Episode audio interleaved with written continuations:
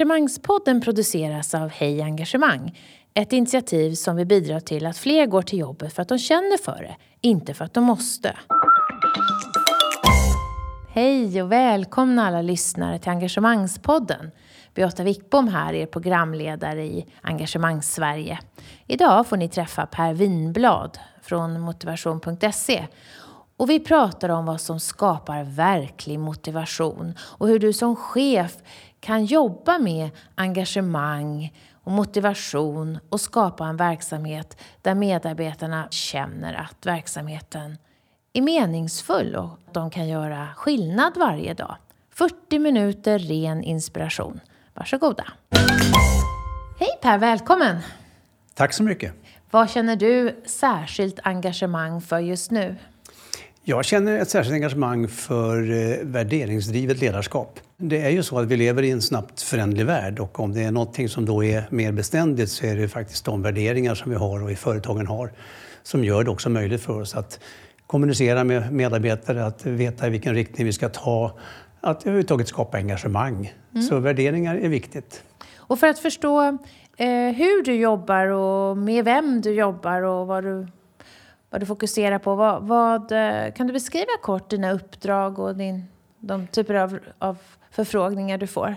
Ja, alltså just nu då så är jag mest engagerad i att eh, jag sitter i juryn då för Årets VD som ju är en utmärkelse som vi har instiftat. Och för åttonde året i år så utser vi Årets VD i stora, mellanstora, stora bolag och årets unga VD.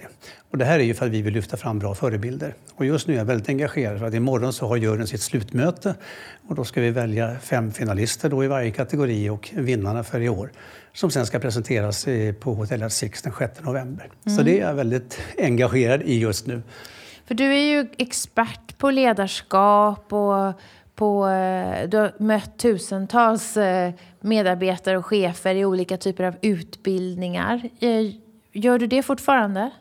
Ja, inte lika hög grad som tidigare. Jag är ju på något sätt, får nästan säga att jag är väl lite grann av en nestor. 1982 startade jag motivationskonsult. Och det var långt tidigare när, än när det här begreppet på något sätt ändå har blivit så att alla, alla åtminstone tittar intresserat på en. När jag pratar om motivationskonsult 82, då tittar man lite förvånad på en och undrar, kan man vara motivationskonsult? Du vet, man har hört talas om managementkonsulter och tekniska konsulter och jag brukar säga alla möjliga konsulter. Men motivationskonsult, det var något väldigt nytt. Vad var det du ville göra då? Ja, det var mycket så. För att ta det en kort eh, story så hade jag varit över i USA. Eh, hade där blivit engagerad just för jag tyckte människor hade mycket mer av en så att säga, vinnarställning, lite liksom engagerade eh, på ett sätt som jag tyckte vi saknade av, åtminstone i de sammanhang jag fanns i i Sverige. Eh, och då, 82, 32 år ung, tänkte jag att det här behöver vi mer av. Så då startade jag motivationskonsult. Mm. Eh, och ganska snart så kom vi in på att börja jobba med mycket kopplat mot chefsutveckling, ledarskapsutvecklingsprogram. Stora bolag, välkända bolag, men såväl som små och mellanstora också genom åren. Mm. Så där började det en gång. När du mötte grupper då och chefer för där på 80-talet och pratade motivation. Vad var det för förmågor du ville träna då? Och vad var det ni fokuserade på? Ja, det var, jag fick ju ganska snart också frågan liksom vad, vad är motivation då? Och då fick jag ju anledning att själv tänka till lite grann på vad, vad, vad är det för någonting? Och det jag då formulerade och som sen har burit egentligen genom åren och som jag har jobbat efter, det är egentligen fem nyckelord som jag kan beskriva det med. Eh, man brukar säga att man kan inte motivera någon annan eller hur? Man kan mm. bara motivera sig själv. Men jag brukar säga att en chef eller ledare har alltid möjligheten och resurserna att kunna skapa den miljö där människor låter sig motiveras. Eh, och det gör man då utifrån egentligen fem nyckelord. Det första är helhetsbild. Ska man vara motiverad i en organisation så måste man känna att man är kopplad till den större bilden. Och det handlar förstås om det här med vision, så vi har vår riktning eller syftet om varför och våra värderingar. Det som vi pratar en hel del om idag. Vi pratar som, mycket om why, man ja, exakt. Mm. Och det är, det är precis det det handlar om. Jag måste känna på djupet att jag är kopplad till den här större bilden som vi är på väg mot. Eh, det andra nyckelordet är delaktighet delaktighet då, dels, dels i den här större resan men också naturligtvis i sin egen arbetssituation. Bjudas in till delaktighet och också vara den som, som eh, ja, är delaktig på resan. Eh, det tredje nyckelordet är resurs egentligen. För att även om vi pratar mycket om alltså motivation och skapa det så någonstans så behövs det också någon som ser till att jag som medarbetare får möjligheten att göra det här som jag vill göra. Att jag har en chef som frågar mig på vilka områden kan jag hjälpa och stötta dig? Vad behöver du för att kunna göra en, en fantastisk insats och så vidare. Att jag känner att jag är uppbackad samtidigt i det jag håller på med. Fjärde nyckelordet pratas det också mycket om idag, feedback. Eh, och för mig så har, det alltid, har jag alltid beskrivit det som ett djupt mänskligt behov. Att vara sedd och bekräftad. Eh, och att vi människor vill känna att vi är värdefulla. Så jag brukar säga ibland att ledarskap sitter i blicken. Det är hur vi ser på vår omgivning, våra medarbetare och naturligtvis hur vi sen behandlar dem som avgör väldigt mycket om de känner att de är, är värdefulla. I feedback ligger självklart också det här med att vara väldigt klar över resultat. Vad förväntas? Vad ska vi uppnå? Hur mäts det? Tydlighet, exakt. Och få återkoppling på det. Och sen i begreppet ligger också det här att vi faktiskt lär varandra hur vi ska jobba med feedback. Så att vi fokuserar kanske på något som är positivt till att börja med. Vad är det vi gör som är bra? Det kan ju vara bra och lämpligt att börja med för det ger ju energi. Eh, och samtidigt måste vi kunna komma in på vad är det då vi ska utveckla och göra bättre. Ja, bara de frågorna kommer man ju ganska långt med om man pratar så med varandra. Kanske i samband med ett möte eller ett kundbesök eller ett projekt man har haft och så vidare. Och klarar vi att uppfylla de här behoven, då eh, kan vi, har vi bättre förutsättningar att, ska, att skapa motivation och, och, ge förutsättningar för medarbetare att känna motivation. Är det så? Ja, absolut. Jag menar, om, det, om människor känner att de är kopplade till något som är större och viktigare det här är ju djupa behov hos oss och om människor samtidigt känner att de är tagna på allvar, då har ju lagt grunden för att kunna skapa det här engagemanget via den här motivationen. Eh, det sista nyckelordet då som jag ska också eh, använda, det är ju just att det är ledarskap. Så det handlar ju om att eh, utöva det här, att skapa den här förutsättningen. Och det kan ju faktiskt alla göra egentligen. Så det går egentligen inte att skylla på någonting. Hur ser du på kopplingen engagemang och motivation. Är de lite lika eller är det, är det ändå två aspekter som man kan hålla isär? Har du funderat på det? Ja, jag, eh, från och till så, så, kan man säga, och jag såg att eller vi hade pratat om ett begrepp där innan också om arbetsglädje, att, att eh, de här är ju på något sätt och vis ganska synonyma. Jag vill säga att det är lite grann som en cirkulär effekt. Jag menar att motivation kommer ju egentligen utav överhuvudtaget saker och ting som motiverar oss. Och det kan vara allt möjligt som väcker engagemang i oss. Och förhoppningsvis gör det det i jobbet, men det gör också det utanför jobbet. Och det här engagemanget kan vi då ta med oss in och då skulle jag vilja påstå att då skapas också arbetsglädje.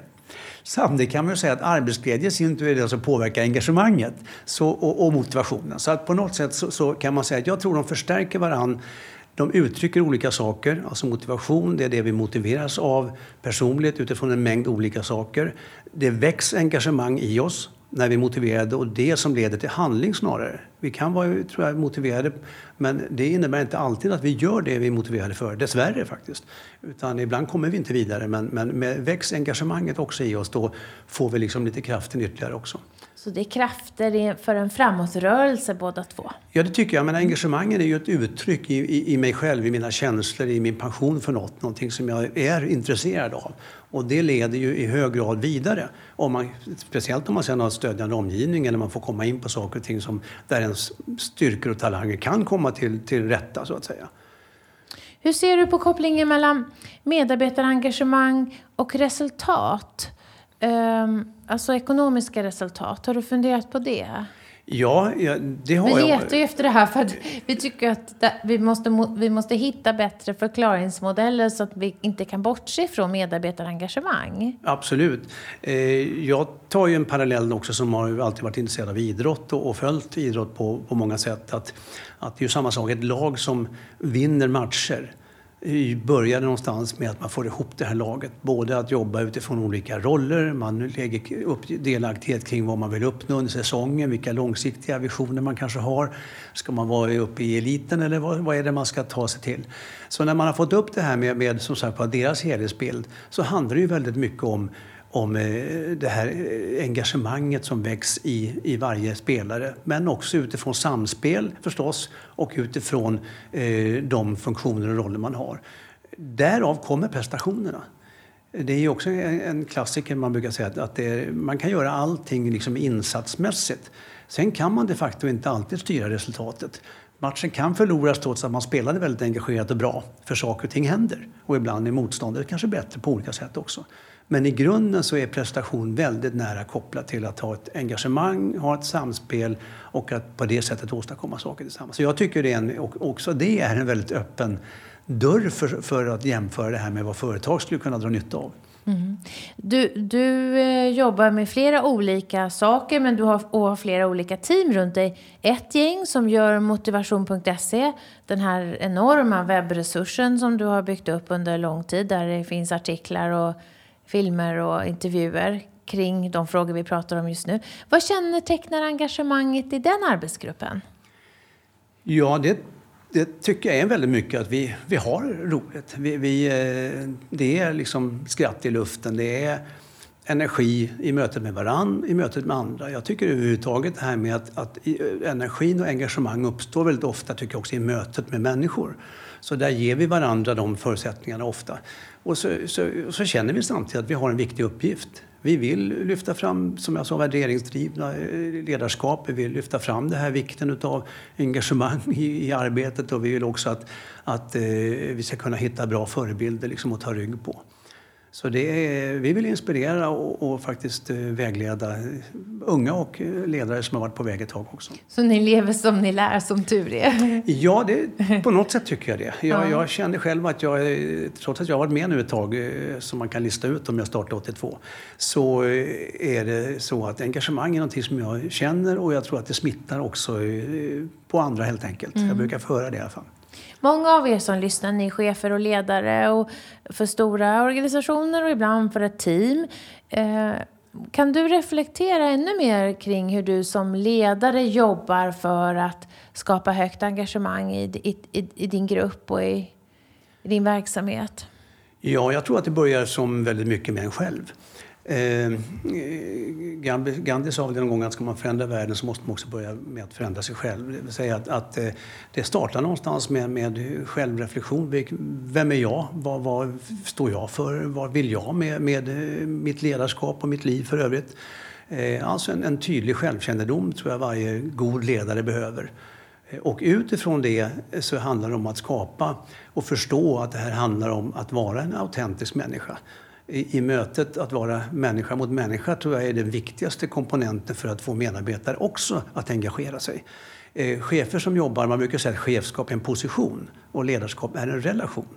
Och jag tror att det är det precis det handlar om. Att jobbar man utifrån position eller jobbar man utifrån ett avstånd eh, då skapar man inte den så att säga, gemenskapen och närheten som faktiskt behövs om man ska åstadkomma saker tillsammans.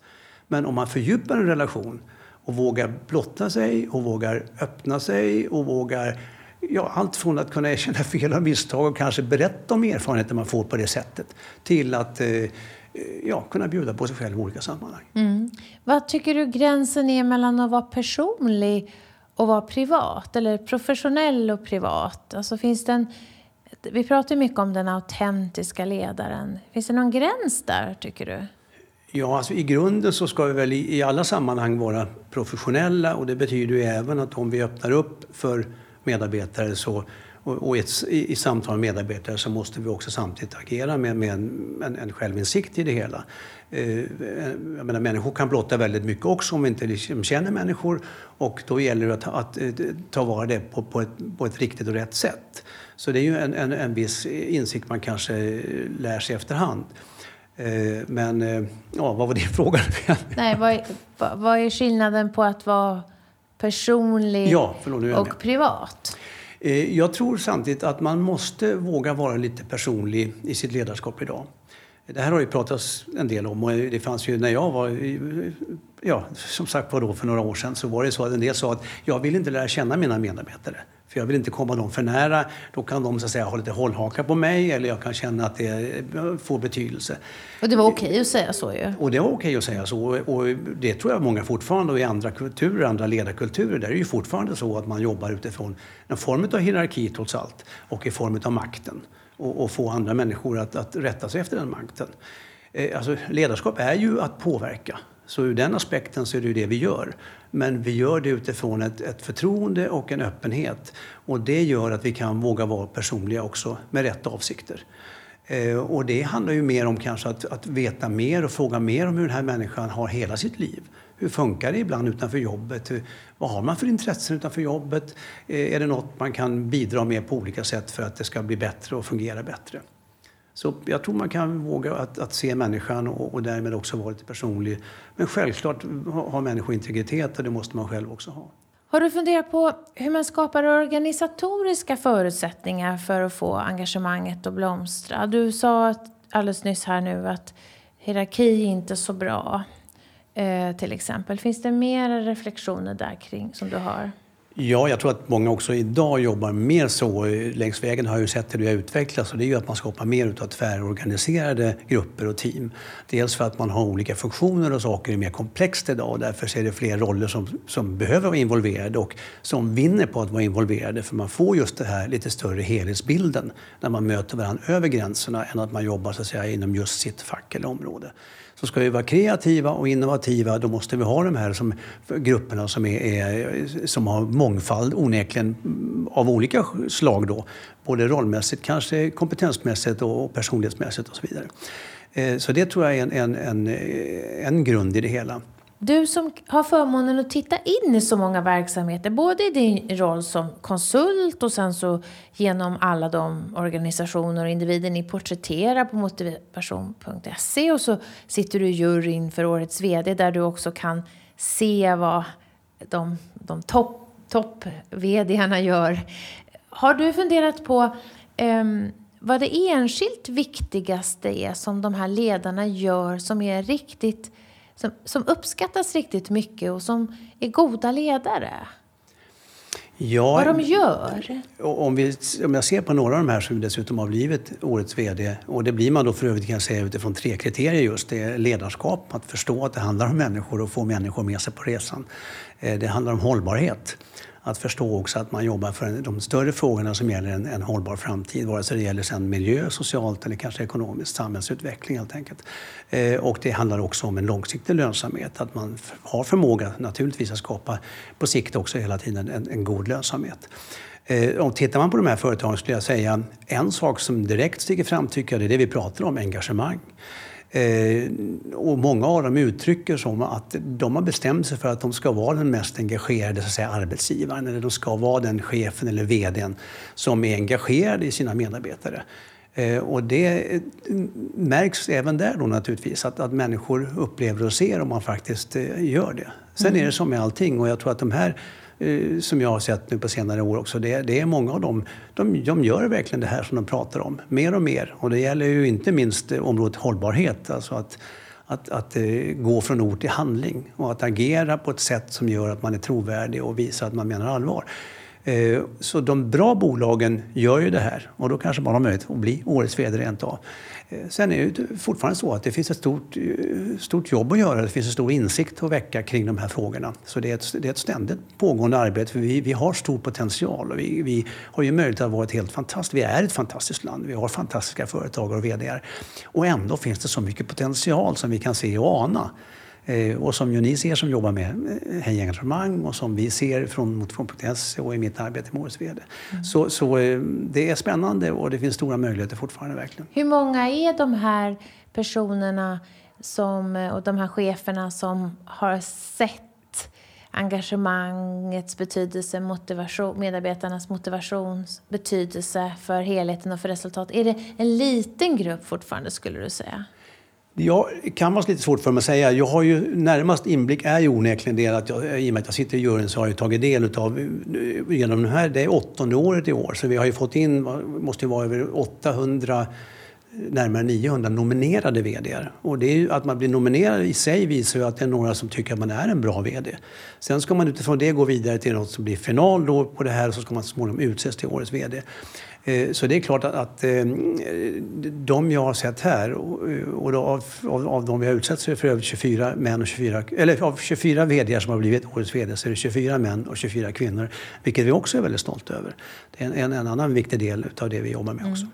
Men är det hälften av alla organisationer och företag som har en, ett ledarskap som präglas av att man förstår att medarbetarna måste vara i fokus och medarbetarnas engagemang påverkar helheten och resultatet? Jag tror, dels finns det undersökningar självklart som jag brukar peka mot de här Gallup och flera andra som uttrycker ju att ibland är det en stor brist just på engagemang hos medarbetare. Och så det finns fortfarande så säkert. Det är vissa mm. jag menar, branscher, storlek på bolag. Bland medarbetarna är det ju bara 14 34 procent som känner att sig engagerade någon gång per dag. Ja, och det är ju naturligtvis ett, ett, ett, en, signal som inte är, är bra. Det är sorgligt. Och det är sorgligt, helt klart. För det är ju utan tvekan så att det skulle hända fantastiska saker om vi fler så att säga satte samma energi mot de mål vi har och jobbade engagerat.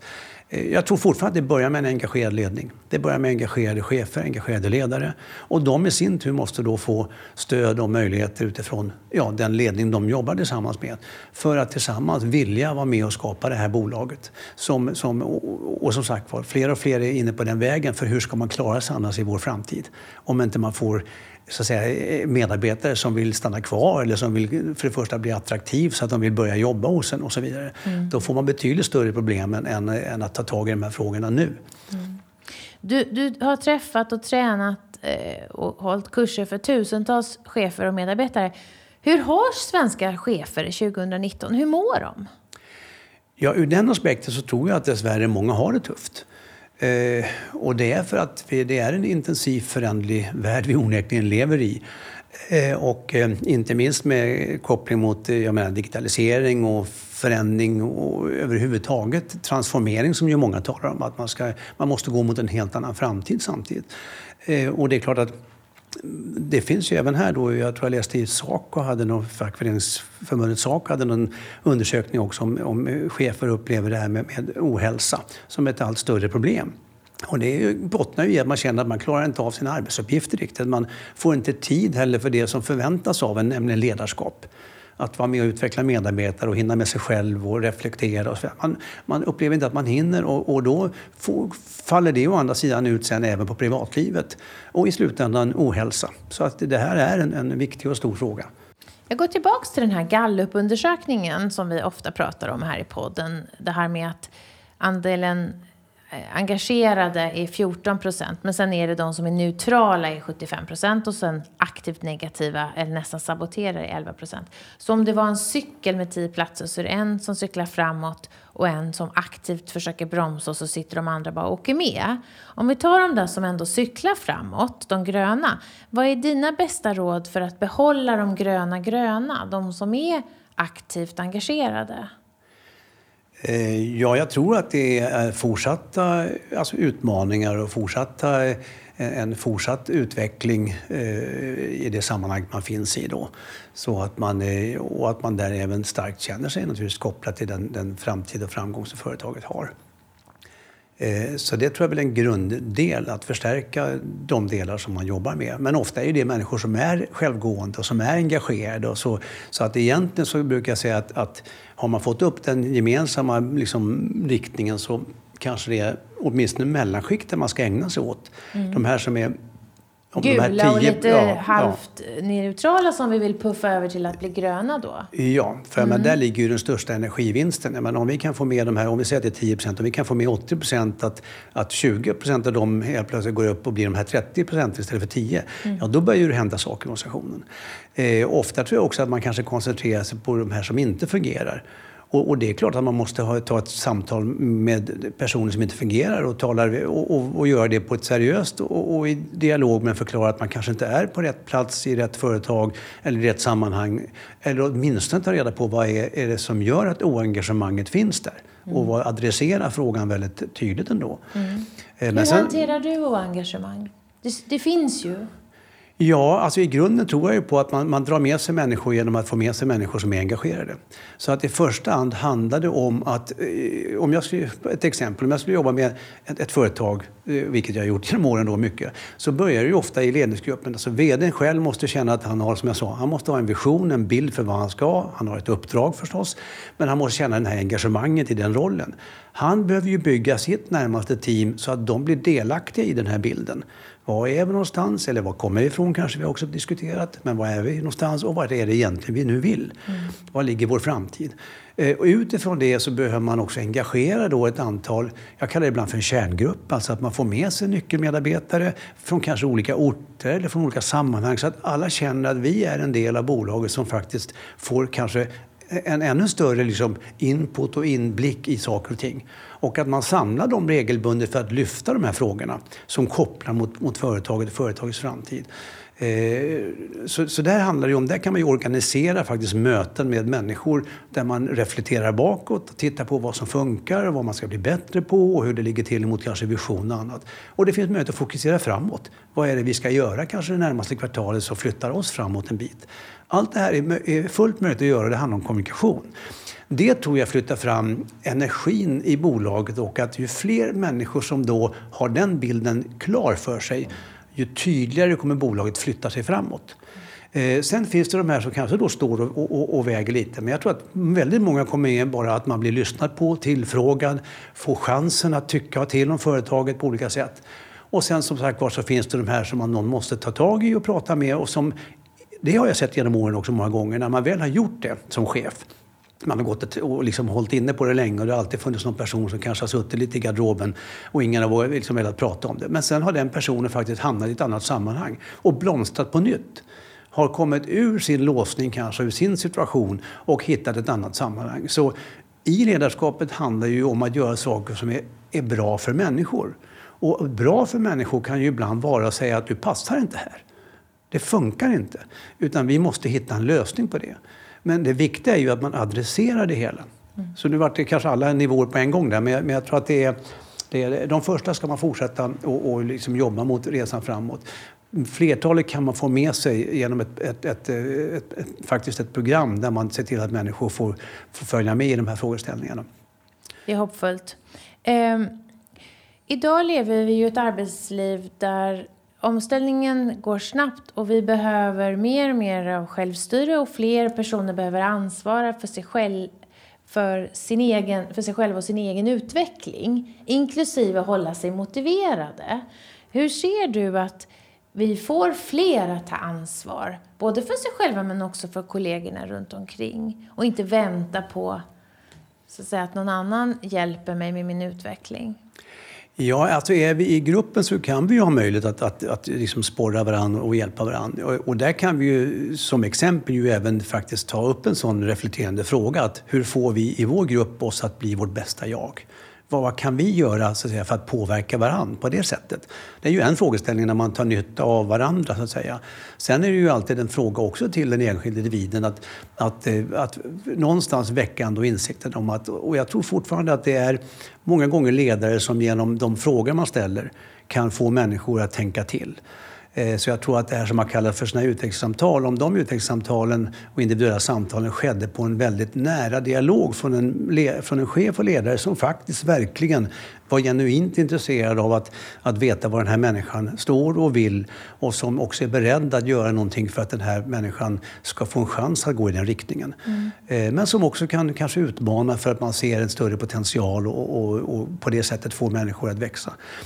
Så ansvar, det är också någonting man får. Får jag ansvar och jag känner att en chef lägger det ansvaret på mig utan att lägga sig i eller rota för mycket eller återigen naturligtvis utifrån kanske någon form av kompetensförutsättning och så vidare.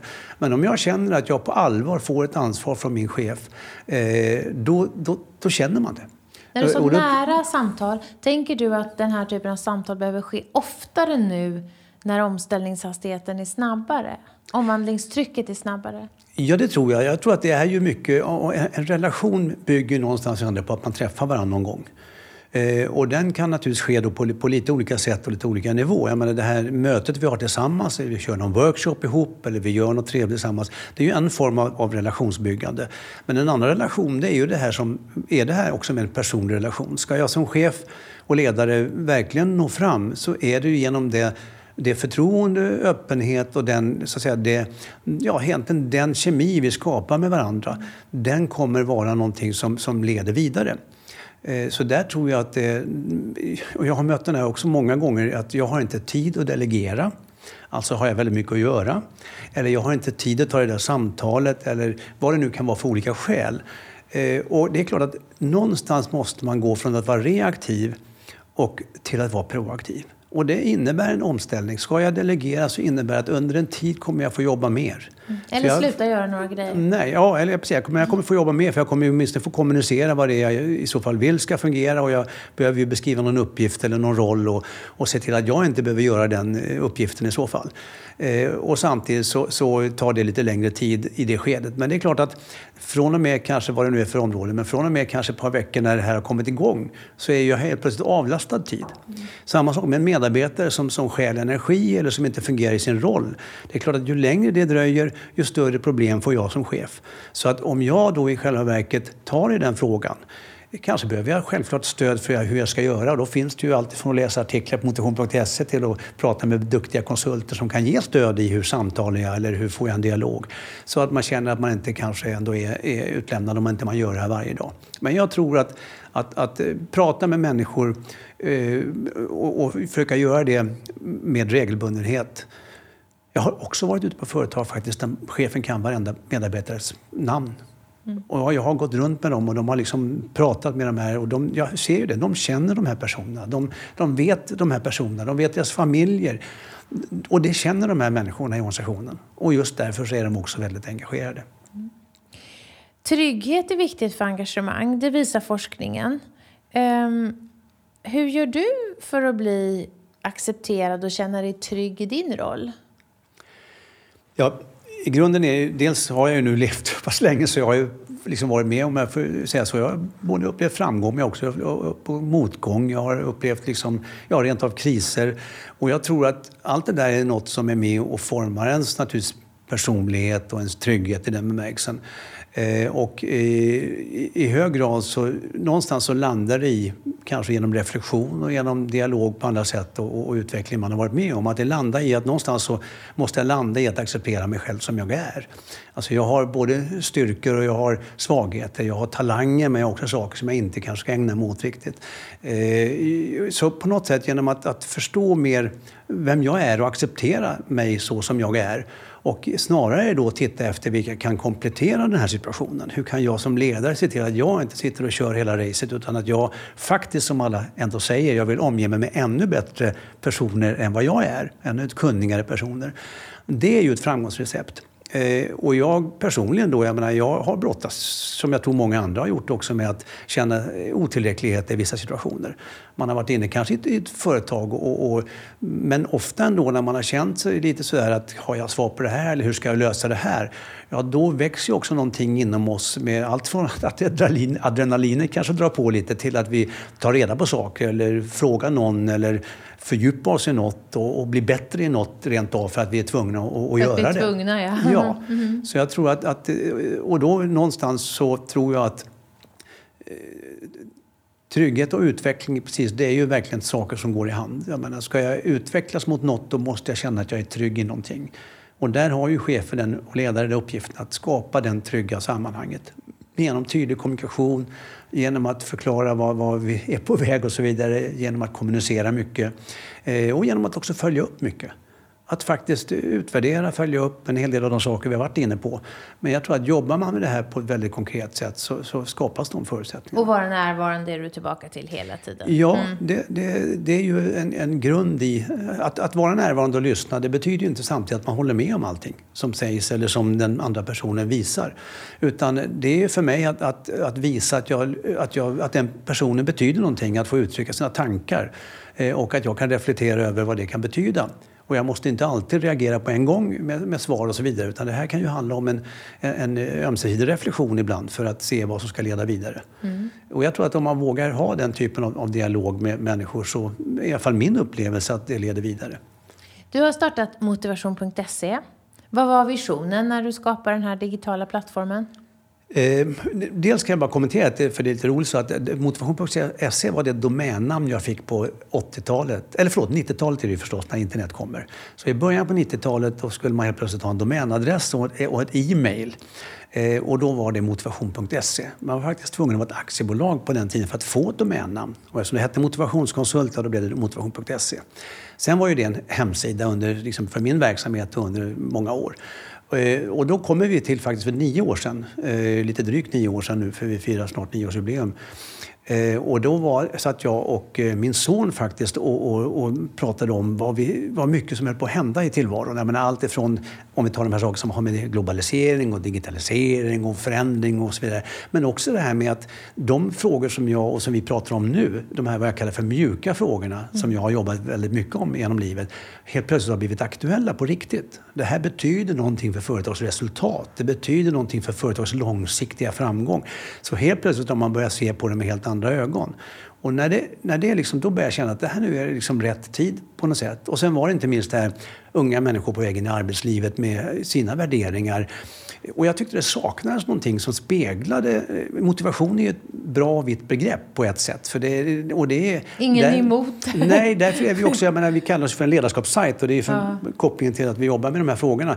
Men det är ju egentligen alltså att, att allt från att leda sig själv till att leda en grupp, har sina aspekter, till att leda rent av ett företag, en organisation. Men mitt i allt det här sammanhanget så är ju då motivation på något sätt en bärande fråga onekligen som vi ju kommer fram till även här idag. Och ur det engagemang.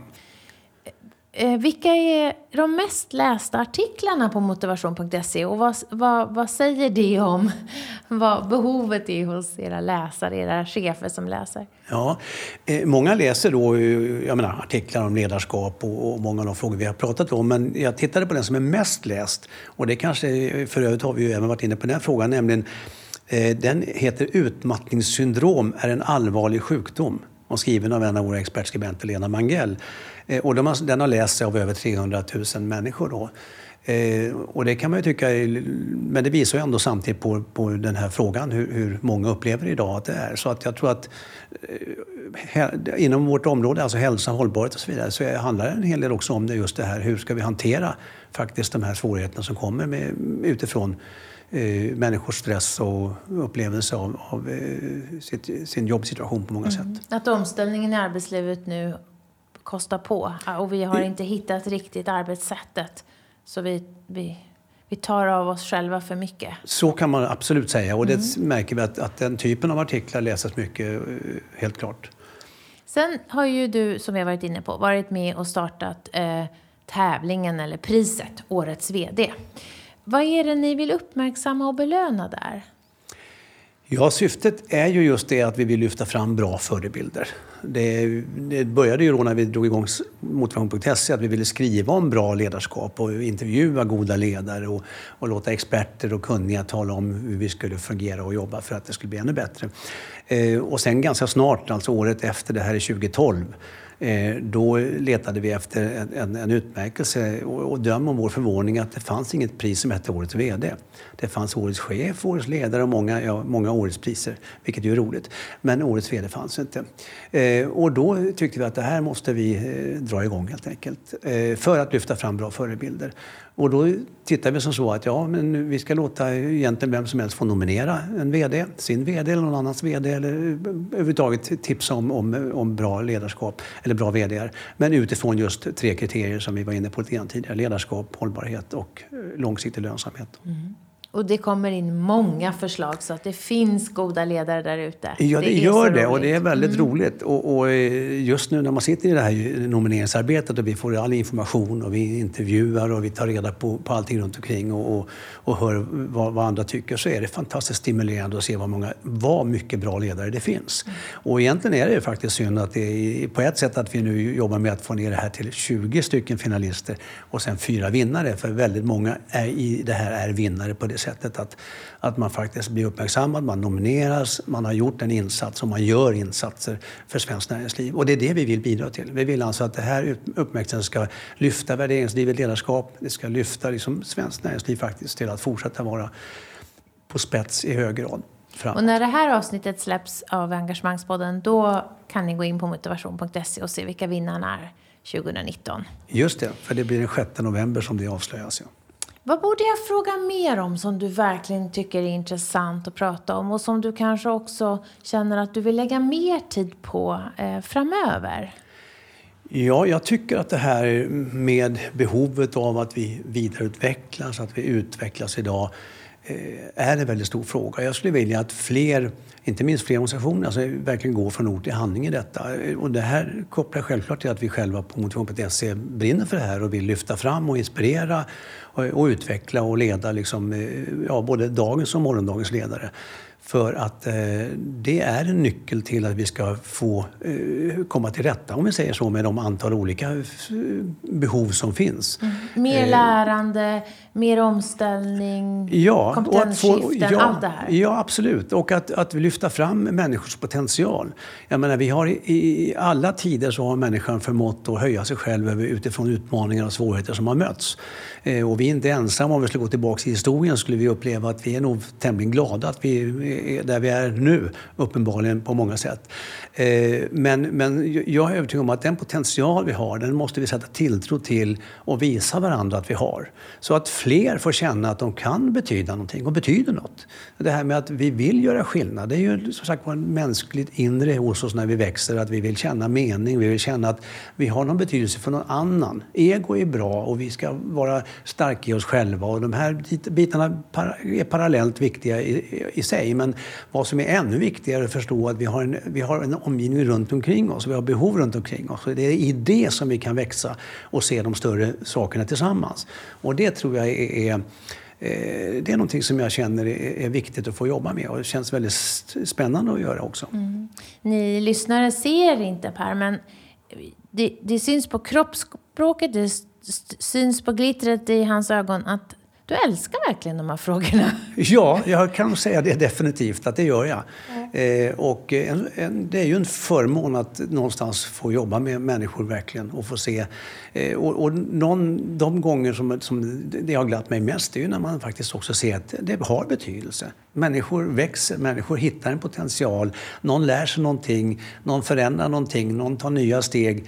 Eh, inklusive då att, att, se hur vi kan då påverka saker till det bättre. I det lilla och sen naturligtvis för det, de stora viktiga frågorna vi har också. Mm. En annan sak jag skulle kunna eh, tänka mig som en sån här ytterligare fråga eh, det är ju det här med att komma in tidigare med ledarskap i skolor. Jag menar, unga människor idag, vi förstår ju och ser hur tufft det är. För, för, vi pratar tufft för chefer, men vi ser hur tufft det kan vara att vara ung och gå i skolan idag.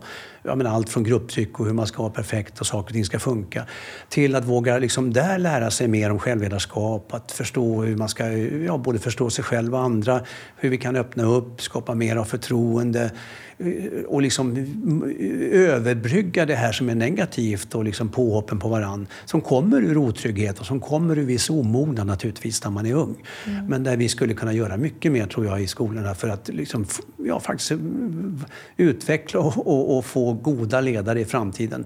Sen är det hoppfullt för det är väldigt många av de unga som är öppet, ärligt, äkta, härliga eh, som ju också väcker hopp för framtiden. Men det finns eh, orsak att, tycker jag, titta på det också egentligen.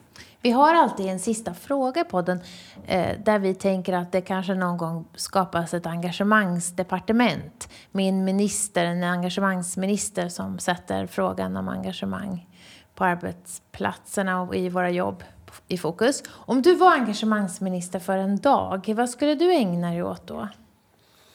Ja, då skulle jag nog eh, engagera mig i en dag att eh, prata till de, de, de unga. Eh, för att eh, det där det har med framtiden till eh, och det skulle vara väldigt spännande att ändå få se hur de ser på frågor som kan ha med ledarskap att göra eller vad de tänker på kanske när de hör ordet chef eller ledare eller företag eller, eller eh, utveckling på olika sätt. Så ägna eh, skulle vara spännande en, en dag i skolan skulle mycket väl kunna vara spännande. Tack Per! Eh, och hoppas att ni känner er lika inspirerade som jag gör av att lyssna på Per Winblad. Tack alla ni som ger oss feedback och som lyssnar och som eh, peppar oss att fortsätta eh, lyssna på nästa avsnitt också. Hej då! Vi hoppas att vi har väckt tankar om hur du kan bidra till ett mer engagerat Sverige. På hejengagemang.se kan du hitta mer inspiration och tips kring hur du som individ, ledare organisation kan jobba för att skapa ett ökat engagemang, välbefinnande och nya resultat. Tack för att du har lyssnat!